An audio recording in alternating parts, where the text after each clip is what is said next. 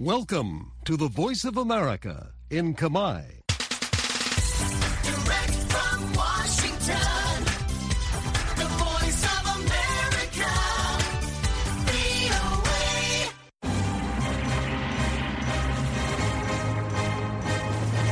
សួស្តីប្រិយមិត្តអ្នកស្ដាប់ជាទីមេត្រី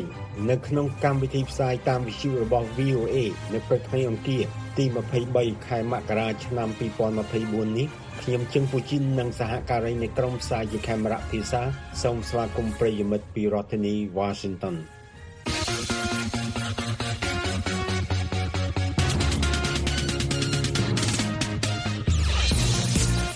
នៅក្នុងការផ្សាយរបស់ VOA នៅវេលាព្រឹកនេះយើងខ្ញុំមានសេចក្តីរាយការណ៍អំពីអ្នកបោះឆ្នោតនៅរដ្ឋ New Hampshire អាចនឹងធ្វើឲ្យមានការភ្ញាក់ផ្អើលនៅក្នុងការបោះឆ្នោតបឋមនៅយប់ថ្ងៃអង្គារនេះកូរ៉េខាងជើងថាខ្លួនបានធ្វើតេស្តប្រព័ន្ធអាវុធនុយក្លេអ៊ែរក្រោមសមុទ្រមួយការវិវត្តចុងក្រោយផ្នែក AI និងបច្ចេកវិទ្យាផ្សេងទៀតត្រូវបានតាំងបង្ហាញនៅកម្មវិធីតាំងពីពណ៌ CES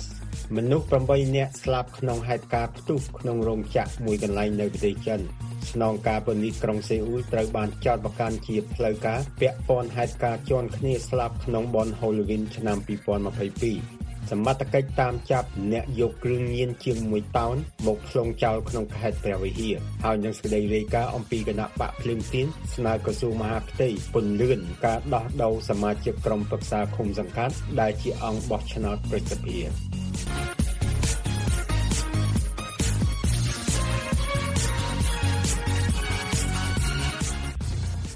រដ្ឋ New Hampshire ដែលជារដ្ឋតូចមួយនៅភាគឦសាននៃសហរដ្ឋអាមេរិកធ្វើការបោះឆ្នោតបឋមនៅថ្ងៃអង្គារសប្តាហ៍នេះ រដ្ឋដែលមានមោទនភាពចំពោះឯករាជ្យភាពនិងការបង្កើតមហន្តរាយធ្វើឲ្យមានការចាប់អារម្មណ៍បន្ថែមជាមួយនឹងព័ត៌មានកាលពីថ្ងៃអាទិត្យដែលថាអភិបាលរដ្ឋ Florida លោក Ron DeSantis បានដកខ្លួនចេញពីការប្រកួតប្រជែងដណ្ដើមយកការតែងតាំងជាបេក្ខជនប្រធានាធិបតីខាងគណៈបកសាធារណរដ្ឋអ្នកស្រី Caroline Presutti នៃ VOA បានទៅរដ្ឋនោះ ហើយពន្យល់ពីរបៀបដែលរដ្ឋដែលសម្បូរទៅដោយថ្មក្រានីតនេះអាចផ្លាស់ប្តូរស្ថានភាពនយោបាយទាំងស្រុងបាននៅក្នុងការបោះឆ្នោតបឋមនៅថ្ងៃអង្គារទី23ខែមករានេះអ្នកស្រី Morivan ជួនសេចក្តីប៉ែសម្រួលដូចតទៅ ស្មានមិនដល់ថាមានរឿងបែបនេះកើតឡើងនៅរដ្ឋ New Hampshire តែប៉ុន្មានម៉ោងមុនការបោះឆ្នោតបឋមសោះលោក Biden គ្មានឈ្មោះលើសញ្ញាឆ្នោតនៅថ្ងៃអង្គារទេមេដឹកនាំថ្នាក់ជាតិនៃបកប្រជាធិបតេយ្យបានសម្រេចបែបនេះអ្នកខ្លះចាត់ទុកថាជារឿងអាម៉ាស់មួយអតីតប្រធានគណៈបកប្រជាធិបតេយ្យរដ្ឋ New Hampshire អ្នកស្រី Kathy Sullivan បានថ្លែងថា People said we're going to put យើងទុករឿងនេះមួយឡែកសិនហើយយើងនឹងគ្រប់គ្រងលោក Biden យើងដឹងថាលោក Trump នឹងក្លាយជាបេក្ខជនប្រធានាធិបតីហើយយើងត្រូវបញ្ឈប់លោក Trump ដើម្បីសង្គ្រោះលទ្ធិប្រជាធិបតេយ្យ This is from uh, លោក Ray Buckley ជាប្រធានគណៈបកប្រជាធិបតេយ្យរដ្ឋ New Hampshire លោកថាលោកនឹងមិនបោះឆ្នោតឲ្យលោក Biden ទេនៅថ្ងៃអង្គារ since my election as chair. តាំងពីខ្លាយខ្លួនជាប្រធានមកខ្ញុំបានសរសេរលើសញ្ញាឆ្នោតឈ្មោះអតីតប្រធានាធិបតីលោក Jimmy Carter រាល់ពេលដើម្បីបង្ហាញថាខ្ញុំមិនលំអៀង លោក Buckley តែងបោះឆ្នោតឲ្យប្រធានាធិបតីដែលកំពុងកាន់តំណែងរបស់បកប្រជាធិបតេយ្យកន្លងមកតែលើកនេះ We were in យើងភ្ញាក់ផ្អើលយ៉ាងខ្លាំងគណៈកម្មាធិការជាតិប្រជាធិបតេយ្យបានទម្លាក់រដ្ឋ New Hampshire ពីរដ្ឋដំបូងគេដើម្បីគ្រប់គ្រងរដ្ឋ South Carolina ដែលជារដ្ឋមានអ្នកបោះឆ្នោតចម្រុះជាង មន្ត្រីរដ្ឋនេះខឹងហើយនៅតែកំណត់ពេលបោះឆ្នោតបឋមហើយអ្នកគ្រប់គ្រងលោក Biden បានចាប់ផ្ដើមយុទ្ធនាការសរសេរឈ្មោះលោកបន្ថែម ខាងគណៈបកសាធារណរដ្ឋវិញមានរឿងផ្សេងក្រោមអាកាសធាតុត្រជាក់ដក10អង្សាសេមនុស្សមកតម្រង់ជួរ4ម៉ោងមុនការឃោសនារបស់លោក Trump លោក Derek Levin ដែលជាអ្នកបោះឆ្នោតម្នាក់នៅរដ្ឋ New Hampshire បានថ្លែងថា we love the Trump យើងស្រឡាញ់លោក Trump លោកតស៊ូដើម្បីយើងលោក D Boysworth ដែលជាអ្នកបោះឆ្នោតម្នាក់ទៀតនៅរដ្ឋ New Hampshire បានថ្លែងថា How many wars did we have? តើយើងមានសង្គ្រាមប៉ុន្មានដងពេលលោកជាប្រធានាធិបតីម្នាក់ម្នាក់សប្បាយចិត្តហើយរកលុយបានលោក Trump តាក់ទាញការគ្រប់គ្រងពលរដ្ឋនៅរដ្ឋ New Hampshire បានជាង50%អតីតឯកអគ្គរដ្ឋទូតអាមេរិកប្រចាំនៅអង្គការសហប្រជាជាតិអ្នកស្រី Nikki Haley បាន35%នេះតាមការស្ទង់មតិរបស់ Boston Globe អ្នកស្រី Dennis Monmini ដែលជាអ្នកបោះឆ្នោតម្នាក់ទៀតនៅរដ្ឋ New Hampshire បានថ្លែងថា She needs to sway me. អ្នកស្រីត្រូវទៅធ្វើឲ្យខ្ញុំជឿដូច្នេះខ្ញុំបើកចិត្តទូលាយស្ដាប់អ្នកស្រីអ្នកឯករាជ្យឬអ្នកប្រជាធិបតេយ្យជាច្រើនដែលតម្រង់ជួរដើម្បីស្ដាប់អ្នកស្រី Haley អាចបោះឆ្នោតលើសញ្ញាឆ្នោតរបស់គណៈបកសាធារណរដ្ឋបានលោកអ៊ីសាហ្គៀដែលជាអ្នកបោះឆ្នោតឯករាជ្យម្នាក់នៅរដ្ឋ New Hampshire បានថ្លែងថា I'd like to hear um, a little less war hawkish um, rhetoric from her. ខ្ញុំចង់ឮវោហារសាស្ត្រដែលមិនសូវមានសង្គ្រាមនិងជំហររបស់អ្នកស្រីចំពោះអ៊ុយក្រែននិងចំនួននៅអ៊ីស្រាអែលអ្នកវិភាគថាអ្នកគាំទ្របកសាធារណរដ្ឋនៅរដ្ឋ New Hampshire ដែលចង់ឲ្យមានពន្ធទាបនិងរដ្ឋាភិបាលមានទំហំតូចអាចជាឱកាសចុងក្រោយសម្រាប់អ្នកស្រី Haley ដើម្បីបញ្ឈប់លោក Trump លោក Chris Galdieri ជាសាស្ត្រាចារ្យបង្រៀនផ្នែកវិទ្យាសាស្ត្រនយោបាយនៅមហាវិទ្យាល័យ Saint Anselm បានថ្លែងថា If she can't in a state that is បើអ្នកស្រីមិនអាចឈ្នះក្នុងរដ្ឋនេះទេតើជំហានបន្ទាប់របស់អ្នកស្រីជាអ្វីតើនៅរដ្ឋណាទៀតដែលអ្នកស្រីនឹងមានឱកាសផ្ដួលលោក Trump ខ្ញុំឃើញថាมันមានរដ្ឋច្រើនទេនៅយប់ថ្ងៃអង្គារគេនឹងដឹងថាតើអ្នកបោះឆ្នោតនៅរដ្ឋ New Hampshire នឹងធ្វើឲ្យមានការភ្ញាក់ផ្អើលដែរឬទេពីរដ្ឋធានី Washington ខ្ញុំលីម៉ូរីវ៉ាន់ VOA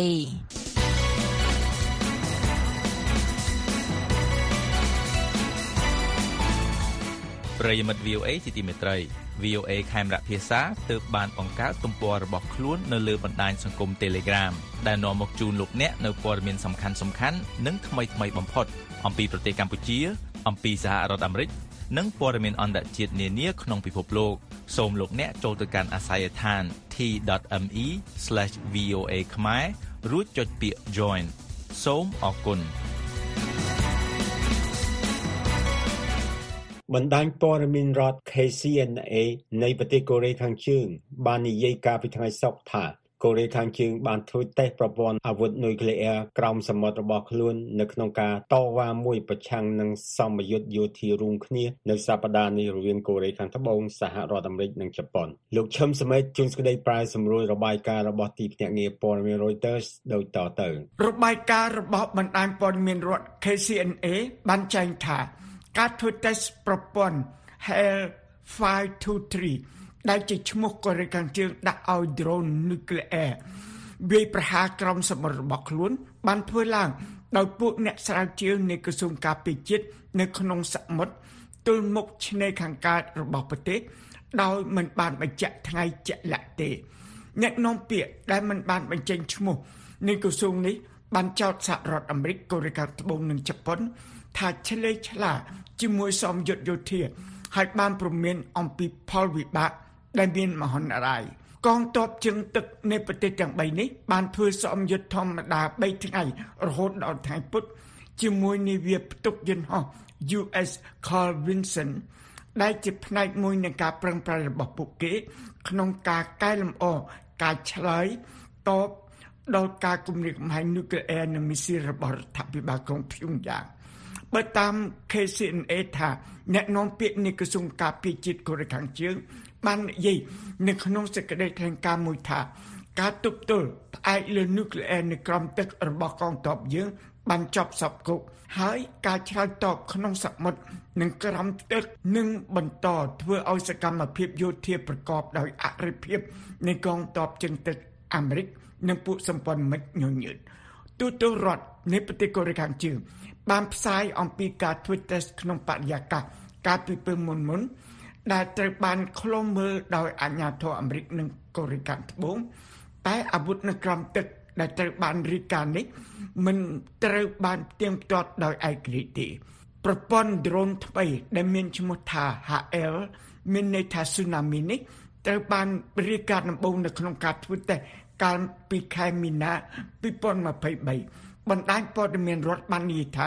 ប្រព័ន្ធ drone នេះមានគោលដៅវាយប្រហារ ក្នុងដែនទឹកសត្រូវនិងបំផ្លាញកងនាវាចម្បាំងព្រមទាំងកំពុងផែប្រតិបត្តិការធំធំដោយបង្កើតឲ្យមានរលកវិទ្យុសកម្មធំមួយតាមរយៈផ្ទុះក្រោមទឹក ការធ្វើតេស្តនៅក្រោមទឹកចុងក្រោយបំផុតត្រូវបានរាយការណ៍ថាមានឡើងតែប្រមាណថ្ងៃក្រោយពីកូរ៉េខាងជើងបានបាញ់មហោមីស៊ីលលឿនជាងសម្លេងថ្មីមួយ ប្រើប្រេងឥន្ធនៈរឹងមានវង ប្រតិបត្តិការមធ្យមរដ្ឋាភិបាលក្រុង Washington ក្រុងសេអ៊ូលនិងក្រុងតូក្យូបានថ្កោលទោសការបាញ់បង្ហោះនោះថាជាការរំលោភធ្ងន់ធ្ងរលើសេចក្តីសម្រេចចិត្តរបស់ក្រុមប្រឹក្សាសន្តិសុខអង្គការសហប្រជាជាតិប្រេសិតនុយក្លេអ៊ែរនៃសម្ព័ន្ធមិត្តទាំង3នេះបានជួបជុំនុំគ្នា នៅក្នុងទីក្រុងសេអ៊ូលកាលពីថ្ងៃប្រហោះហើយបានថ្កោលទោសពាណិជ្ជកម្មអាវុធរបស់រដ្ឋាភិបាលក្រុងព្យុងយ៉ាងជាមួយរុស្ស៊ីនិងកំណើនវោហាសាសអរិភាពនៅពេលដែលរដ្ឋមន្ត្រីការបរទេសកូរ៉េខាងជើងបានទៅបំពេញទស្សនកិច្ចនៅក្រុងម៉ូស្គូហើយបានជួបជាមួយប្រធានាធិបតីរុស្ស៊ីលោក Vladimir Putin ផងដែរពីរដ្ឋធានី Washington ខ្ញុំឈឹមសុមេត VOA អស់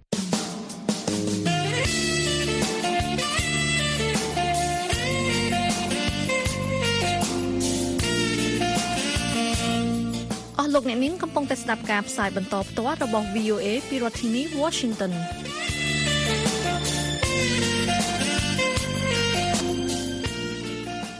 មនុស្សប្រមាណ130,000 នាក់បានចូលរួមក្នុងកម្មវិធីតាំងពិព័រណ៍ CES ឆ្នាំ2024 នៅក្នុងទីក្រុង Las Vegas រដ្ឋ Nevada សហរដ្ឋអាមេរិកដែលធ្វើឡើងពីថ្ងៃទី9ដល់ថ្ងៃទី12ខែមករាកន្លងទៅនេះ នេះគឺជាការតាំងពិព័រណ៍បច្ចេកវិទ្យាសម្រាប់អ្នកប្រើប្រាស់ដែលតាក់ទាញក្រុមហ៊ុនទាំងធំនិងតូចក្រុមហ៊ុនតាំងពិព័រណ៍ជាង4000បានតាំងបង្ហាញអំពីការវិវត្តថ្មីៗផ្នែកបច្ចេកវិទ្យា AI សុខភាព Digital និងបច្ចេកវិទ្យាផ្សេងៗទៀតអ្នកស្រី Tina Trin រាយការណ៍អំពីរឿងនេះពីទីក្រុង Las Vegas លោកសង្សផាតជួនសេចក្តីប្រាយសម្រួលដោយតទៅ នៅកម្មវិធីពិព័រណ៍ CES ក្រុមហ៊ុនបច្ចេកវិទ្យាកំពុងបង្ហាញពីការប្រើប្រាស់បច្ចេកវិទ្យាក្នុងជីវិតប្រចាំថ្ងៃទោះបីជាមានការបង្ហាញដ៏គួរឲ្យទាក់ទាញក្តីការប្រើប្រាស់ជាក់ស្ដែងមិនសូវមានបញ្ហានោះទេនិងអាចដាក់បញ្ចូលនៅក្នុងទម្លាប់ប្រចាំថ្ងៃបានយ៉ាងស្រួលក្រុមហ៊ុន Zender Guardian ផលិតឧបករណ៍តាមដានសុខភាពនិងសុវត្ថិភាព អ្នកស្រី Linda Mayhew ដែលជាប្រធានជាន់ខ្ពស់នៃក្រុមហ៊ុន Zender Guardian បានថ្លែងថា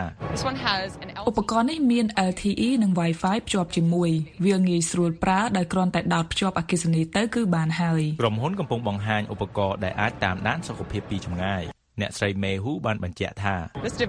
ឧបករណ៍នេះប្រើរ៉ាដាបញ្ជូនសញ្ញាជីពចររាប់លានរៀងរាល់វិនាទីនិងវាស់ស្ទង់រំញ័របរិស្ថានដែលកើតចេញពីរាងកាយមនុស្សឧបករណ៍នេះដឹងពីវត្តមានមនុស្ស និងវាស់ចង្វាក់បេះដូងចង្វាក់ដង្ហើមនិងចលនាដោយមិនប្រើកាមេរ៉ាឬឧបករណ៍បំពាក់នឹងខ្លួនមនុស្សវាមិនសូវប៉ះពាល់ខ្លាំងនឹងការពីឯកជនភាពនៅក្នុងការតាមដានសុខភាពមនុស្សចាស់ឬអ្នកជំងឺនៅមន្ទីរពេទ្យក្រុមហ៊ុនវ៉ែនតា Exilor Luxottica ដែលបញ្ចេញដងវ៉ែនតាថ្មីឈ្មោះថា Nuance Audio ដែលមានភ្ជាប់ឧបករណ៍ជំនួយការស្ដាប់ដែលមិនអាចមើលដឹងដោយគ្រាន់តែមើលនឹងភ្នែកលោក Fabrizio Uguzoni ដែលជាប្រធានផ្នែកដំណោះស្រាយវិជ្ជាជីវៈនៃក្រុមហ៊ុន Elixir Luxottica បានថ្លែងថា The majority of the people with mild to moderate មនុស្សភាគច្រើនដែលបាត់បង់ការស្ដាប់ពីកម្រិតស្រាលទៅមធ្យមនៅពេលបច្ចុប្បន្ននេះមិនទទួលស្គាល់ថាពួកគេមានបញ្ហាទេ នៅពេលដែលអ្នកនិយាយពួកគេនឹងសួរថាតើអ្នកនិយាយពីអ្វីហើយក៏បែរត្រចៀកទៅរកអ្នកនោះហើយជាអតិថិជនដែលយើងផ្ដល់ដំណោះស្រាយជូនដងវ៉ែនតានេះដំឡើងសំឡេងរបស់អ្នកណាដែលពាក់វ៉ែនតាសម្លឹងមើលដើម្បីជួយដល់ការស្ដាប់ ពេលមានមនុស្សច្រើននិងអ៊ូអរលោក David Dalena ដែលជាប្រធានផ្នែកទីផ្សារនៃផលិតផល Nuance Audio បានថ្លែងថា where you struggle to understand your counterpart នៅពេលដែលអ្នកស្ដាប់មិនសូវឮពេលគេនិយាយជាមួយអ្នកនៅចម្ងាយ1ម៉ែត្រឬ2ម៉ែត្រវានឹងអាចជួយឲ្យអ្នកមិនសូវប្រឹងផ្ដោតត្រចៀកស្ដាប់ពាក់ព័ន្ធនឹងការសម្រេចចិត្តឧបករណ៍រំញ័ររបស់ក្រុមហ៊ុន Odoki ក៏កាន់តែឆ្លាតវៃផងដែរលោក Jens Peter Wilhelmsen ដែលជានាយកប្រតិបត្តិនៃក្រុមហ៊ុន Odoki បានថ្លែងថា So rather than having the standard vibrating motor ជាជាងមានម៉ូទ័ររំញ័រស្តង់ដាយើងនាំមកនៅបច្ចេកវិទ្យាសំឡេងវាអនុញ្ញាតឲ្យអ្នកគ្រប់គ្រងទាំងប្រេកង់និងទំហំរំញ័របានឧបករណ៍រំញ័រនេះក៏អាចភ្ជាប់ជាមួយតន្ត្រីខ្លឹមសារ VR និង game ផងដែរពីរដ្ឋធានី Washington ខ្ញុំសង្សុផាត VOA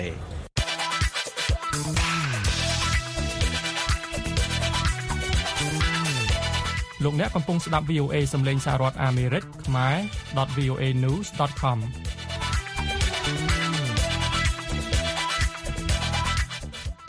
មនុស្សយ៉ាងតិច8នាក់បានស្លាប់និង8នាក់ទៀតរងរបួសស្រាលស្រាលនៅក្នុងការផ្ទុះក្នុងរោងចក្រមួយកន្លែងនៅក្នុងទីក្រុង Jiangsu ក្នុងខេត្ត Jiangsu ប្រទេសចិនកាលពីថ្ងៃសៅរ៍ ទីភ្នាក់ងារព័ត៌មាន AFP រាយការណ៍អំពីរឿងនេះពីទីក្រុងប៉េកាំងប្រទេសចិនលោកភីសុភាដាជួនសេចក្តីប្រាយសម្រួលដោយតទៅមនុស្សយ៉ាងតិច8នាក់បានស្លាប់នៅក្នុងហេតុការណ៍ផ្ទុះក្នុងរោងចក្រមួយកន្លែងនៅក្នុងខេត្តជាងស៊ូនៅភូមិខាងកើតប្រទេសចិនកាលពីពេលទៀបភ្លឺថ្ងៃសៅរ៍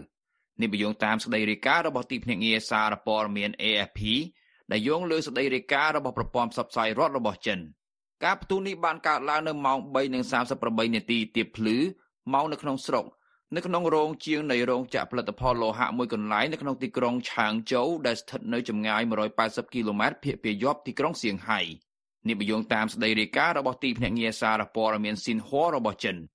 ទីភ្នាក់ងារសារព័ត៌មានស៊ីនហួរនេះបានរាយការណ៍ថាការផ្ទុះដែលមានផ្សែងខ្មួលខ្មាញ់បានកើតឡើងនៅក្នុងផ្នែកផលិតកម្មនៃរោងចក្រ Sunrong Metal Technology Limited ដោយបានសម្លាប់មនុស្ស8នាក់និងធ្វើឲ្យមនុស្ស8នាក់ទៀតរងរបួសស្រាល ការផ្ទុះដែលមានផ្សែងខ្មួលខ្មាញ់នេះបានកើតឡើងនៅពេលដែលបំណែកល្អិតល្អិតនានាដែលអាចឆេះបានដែលរួមមានទាំងលោហៈផងដែរនៅក្នុងអាកាសបានឆេះឡើងដោយមិនរំពឹងទុកទីភ្នាក់ងារសារព័ត៌មានស៊ីនហួរបានរាយការណ៍ថាការស៊ើបអង្កេតលើហេតុការណ៍ផ្ទុះនេះកំពុងធ្វើឡើងកាលពីខែឧសភាឆ្នាំមុនមនុស្ស9នាក់បានស្លាប់នៅក្នុងការផ្ទុះមួយនៅឯរោងចក្រផលិតអ៊ីដ្រូសែនពែអុកស៊ីតនៅក្នុងទីក្រុងលាវឈឹងនៃខេត្តសានតុងភាគខាងកើតប្រទេសចិនពីរដ្ឋធានី Washington ខ្ញុំភីសុភាដា VOA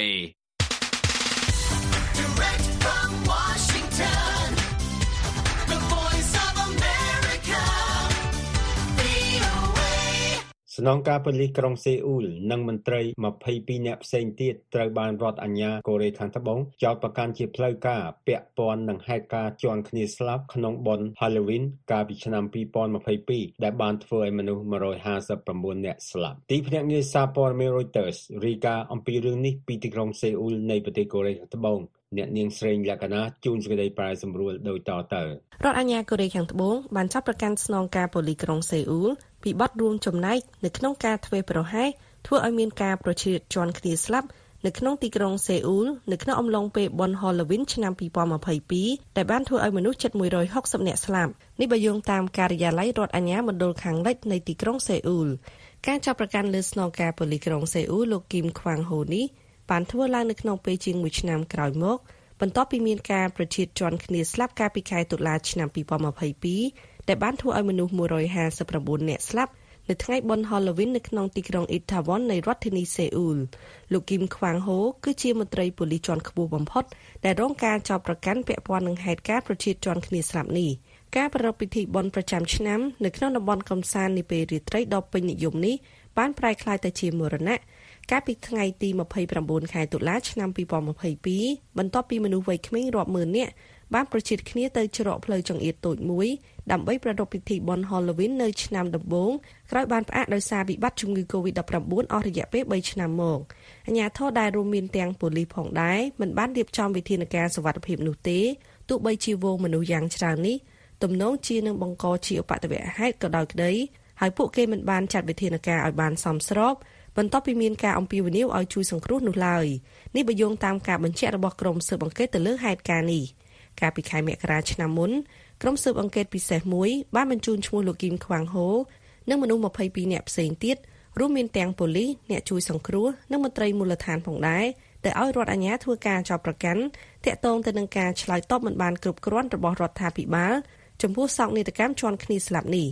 ពីរដ្ឋធានី Washington ខ្ញុំស្រីលក្ខិណា VOA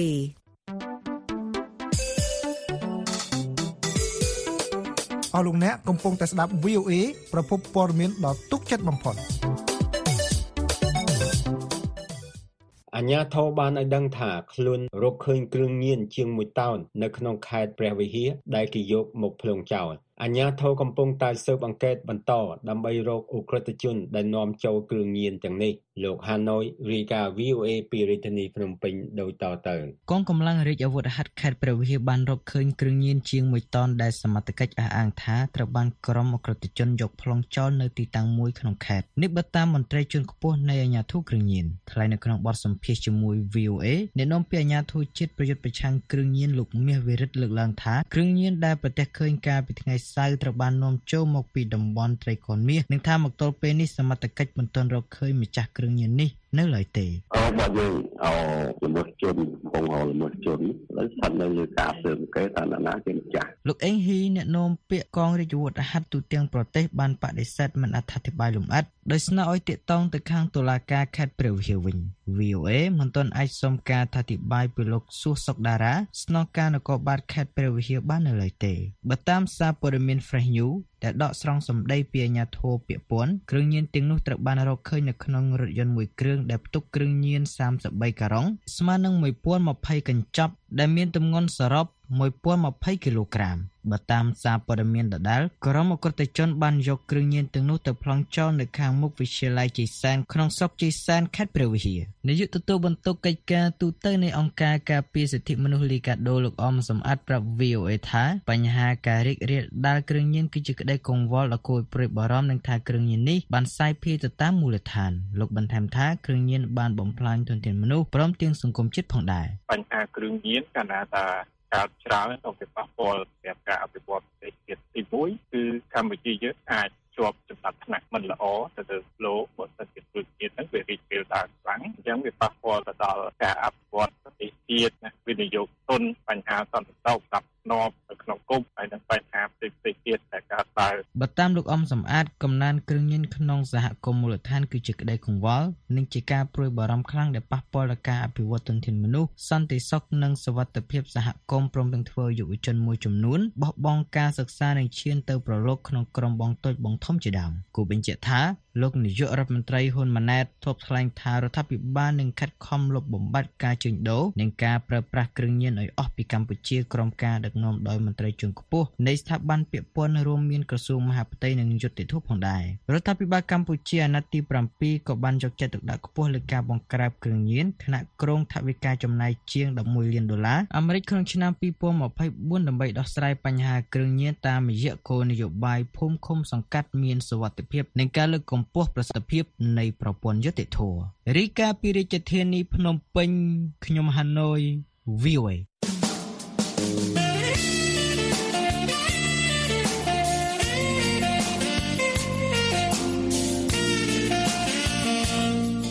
លោកអ្នកនាងកំពុងតែស្ដាប់ការផ្សាយបន្តផ្ទាល់របស់ VOA ពីរដ្ឋធានី Washington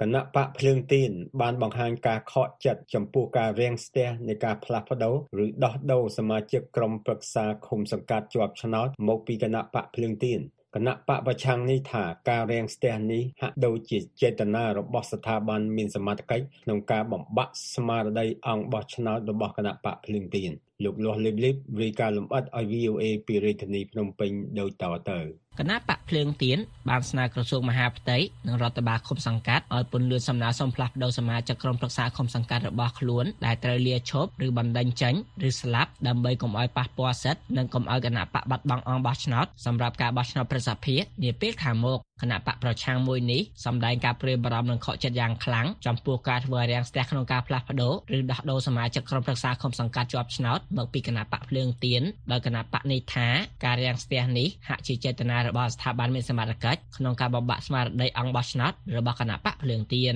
នេះបើតាមសេចក្តីថ្លែងការណ៍របស់គណៈបកចេញផ្សាយនៅថ្ងៃចានេះគណៈបកចាត់ទុកថានេះជាទង្វើបំពានច្បាប់ស្តីពីការគ្រប់គ្រងរដ្ឋបាលឃុំសង្កាត់ត្រង់មាត្រា16និងមិនស្របតាមសេចក្តីណែនាំមួយចំនួនទៀតរបស់ក្រសួងមហាផ្ទៃលោកលីសុធិរាយុទ្ធអគ្គលេខាធិការគណៈបកភ្លើងទៀនប្រាប់ VOA ថាការផ្លាស់ប្តូរសមាជិកក្រុមប្រឹក្សាឃុំសង្កាត់មានការរាំងស្ទះប្រមាណ30ករណីនៅតាមបណ្ដាខេត្តក្រុងមួយចំនួនលោកបន្តថាករណីមួយចំនួនគណៈបកបានស្នើសុំបដូរសមាជិកក្រុមប្រឹក្សាឃុំសង្កាត់រយៈពេលជាង5ខែឬ6ខែមកហើយប៉ុន្តែរហូតមកដល់ពេលនេះនៅតែមិនអាចផ្លាស់ប្តូរបានបើតាមលោកលីសុធិរាយុទ្ធការផ្លាស់ប្តូរនេះគឺដោយសារសមាជិកក្រុមប្រឹក្សាឃុំសង្កាត់ឆ្នាំ2022មួយចំនួនបានលាឈប់ទៅចូលរួមជាមួយគណៈបកកណ្ដាលអំណាចនិងជាមួយគណៈបកដែលទើបបង្កើតថ្មីនិងសមាជិកមួយចំនួនត្រូវបានគណៈបកបណ្ដេញចេញដោយសារខុសលក្ខន្តិកៈគណៈបកហើយសមាជិកមួយចំនួនទៀតទទួលមរណភាពក្នុងនោះសមាជិកដែលលាឈប់មានចំនួន5នាក់សមាជិកដែលត្រូវបានលោកឈ្មោះចេញពីសមាជិកគណៈបកមានប្រមាណ23នាក់និងអ្នកស្លាប់មួយចំនួនទៀតជាក់ស្ដែងណាស់គឺការផ្លាស់ប្ដូររបស់គណៈបកភ្លើងទៀននេះគឺមានការស៊ីពេលយូរខែមែនទែនដែលធ្វើឲ្យប៉ះពាល់ដល់សិទ្ធិរបស់គណៈបកក្នុងការថែរក្សានិងការពារសមាជិកក្រុមប្រឹក្សាគុំសង្កាត់ជាប់ឆ្នោតរបស់ខ្លួនហើយវាប៉ះពាល់ដល់ អង្គបោះឆ្នោតនិងអឺលទ្ធផលនៃការបោះឆ្នោតអសកលនាពេលខាងមុខលោកស្នើក្រសួងមហាផ្ទៃពន្យាការផ្លាស់ប្តូរសមាជិកក្រុមប្រឹក្សាឃុំសង្កាត់របស់គណៈបកភ្លើងទៀនឲ្យបានឆាប់ដើម្បីធានាសិទ្ធិរបស់គណៈបកនយោបាយក្នុងការចូលរួមការបោះឆ្នោតជ្រើសរើសសមាជិកប្រសិទ្ធភាពដែលនឹងប្រព្រឹត្តទៅនៅថ្ងៃទី25ខែកុម្ភៈឆ្នាំ2024 រដ្ឋលេខាធិការនិងជាអ្នកនាំពាក្យក្រសួងមហាផ្ទៃលោកខៀវសុភ័ក្របានបកស្រាយចំចំត្រង់ការស្នើសុំរបស់គណៈបកភ្លើងទៀននោះទេនៅពេល VOA សាកសួរលោកគ្រាន់តែបញ្ជាក់ថាការដោះដូរសមាជិកក្រុមប្រឹក្សាឃុំសង្កាត់គឺជាការបែកបាក់ផ្ទៃក្នុងរបស់គណៈបកភ្លើងទៀនដែលអាជ្ញាធរមិនពាក់ព័ន្ធនោះទេជាចំនួនបែកបាក់ផ្ទៃក្នុងរបស់គណៈបកភ្លើងទៀនជឿណាមួយមិនតើយើងមិនអាចលូកដៃចូលក្នុងការបែកបាក់ផ្ទៃក្នុងរបស់គណៈបកនឹងទេ ប៉ុន្តែអគ្គលេខាធិការគណៈបកភ្លើងទៀនលោកលីសុធិរាយុទ្ធអះអាងថាការផ្លាស់ប្តូរសមាជិកក្រុមប្រឹក្សាគុំសង្កាត់ណាម្នាក់ដែលលាលែងពីតំណែងឬត្រូវបានបណ្តេញចេញឬស្លាប់ហើយផ្លាស់ប្តូរសមាជិកក្រុមប្រឹក្សាគុំសង្កាត់ថ្មីគឺជាសិទ្ធិរបស់គណៈបកនយោបាយដែលអនុវត្តតាមគោលការណ៍ច្បាប់និងតាមការណែនាំរបស់ក្រសួងមហាផ្ទៃ សូមបញ្ជាក់ថាមិនមែនជាការបែកបាក់ផ្ទៃក្នុងនៅក្នុងគណៈបកព្រឹងទៀនទេនេះគឺជាសិទ្ធិរបស់គណៈបកនយោបាយដែល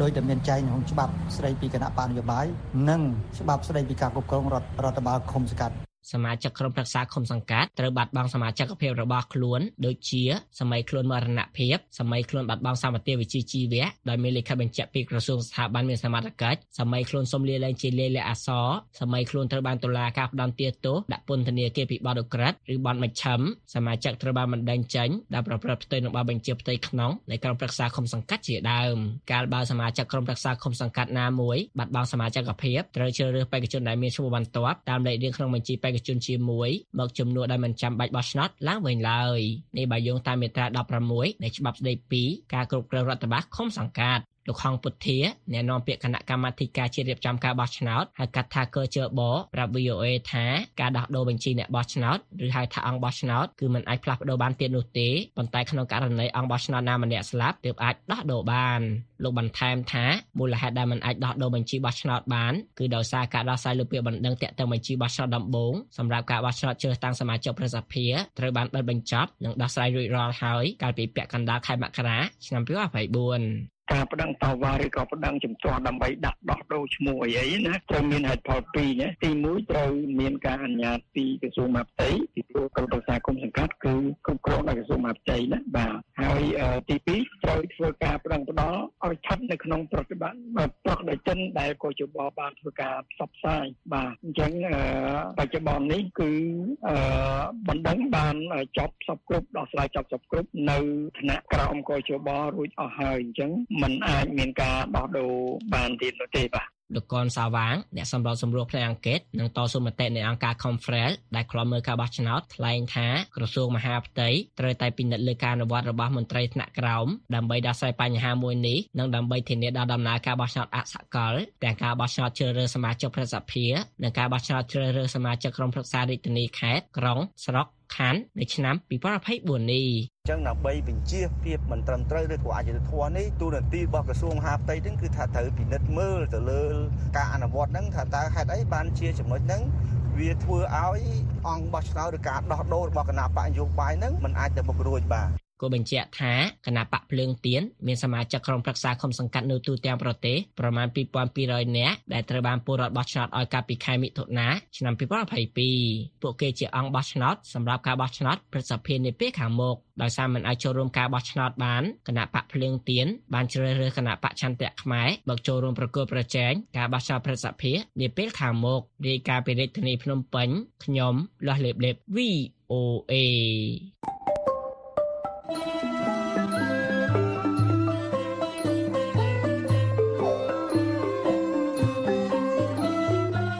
កម្មវិធីផ្សាយរបស់ VOA នៅព្រឹកនេះចប់តែត្រឹមនេះសូមអរលោកអ្នករងចាំស្ដាប់សេចក្តីរាយការណ៍ព័ត៌មានជាតិនិងអន្តរជាតិរបស់ VOA នៅក្នុងការផ្សាយបន្តផ្ទាល់របស់យើងខ្ញុំនៅរាត្រីនេះទៀតពីម៉ោង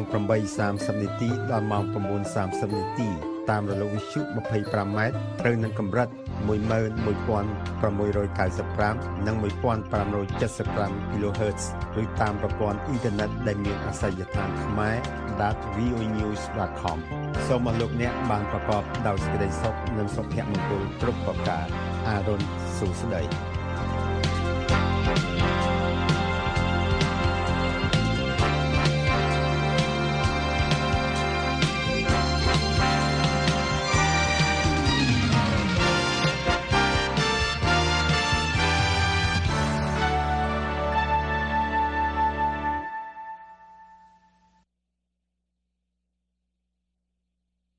This program has come to you from the Voice of America, Washington.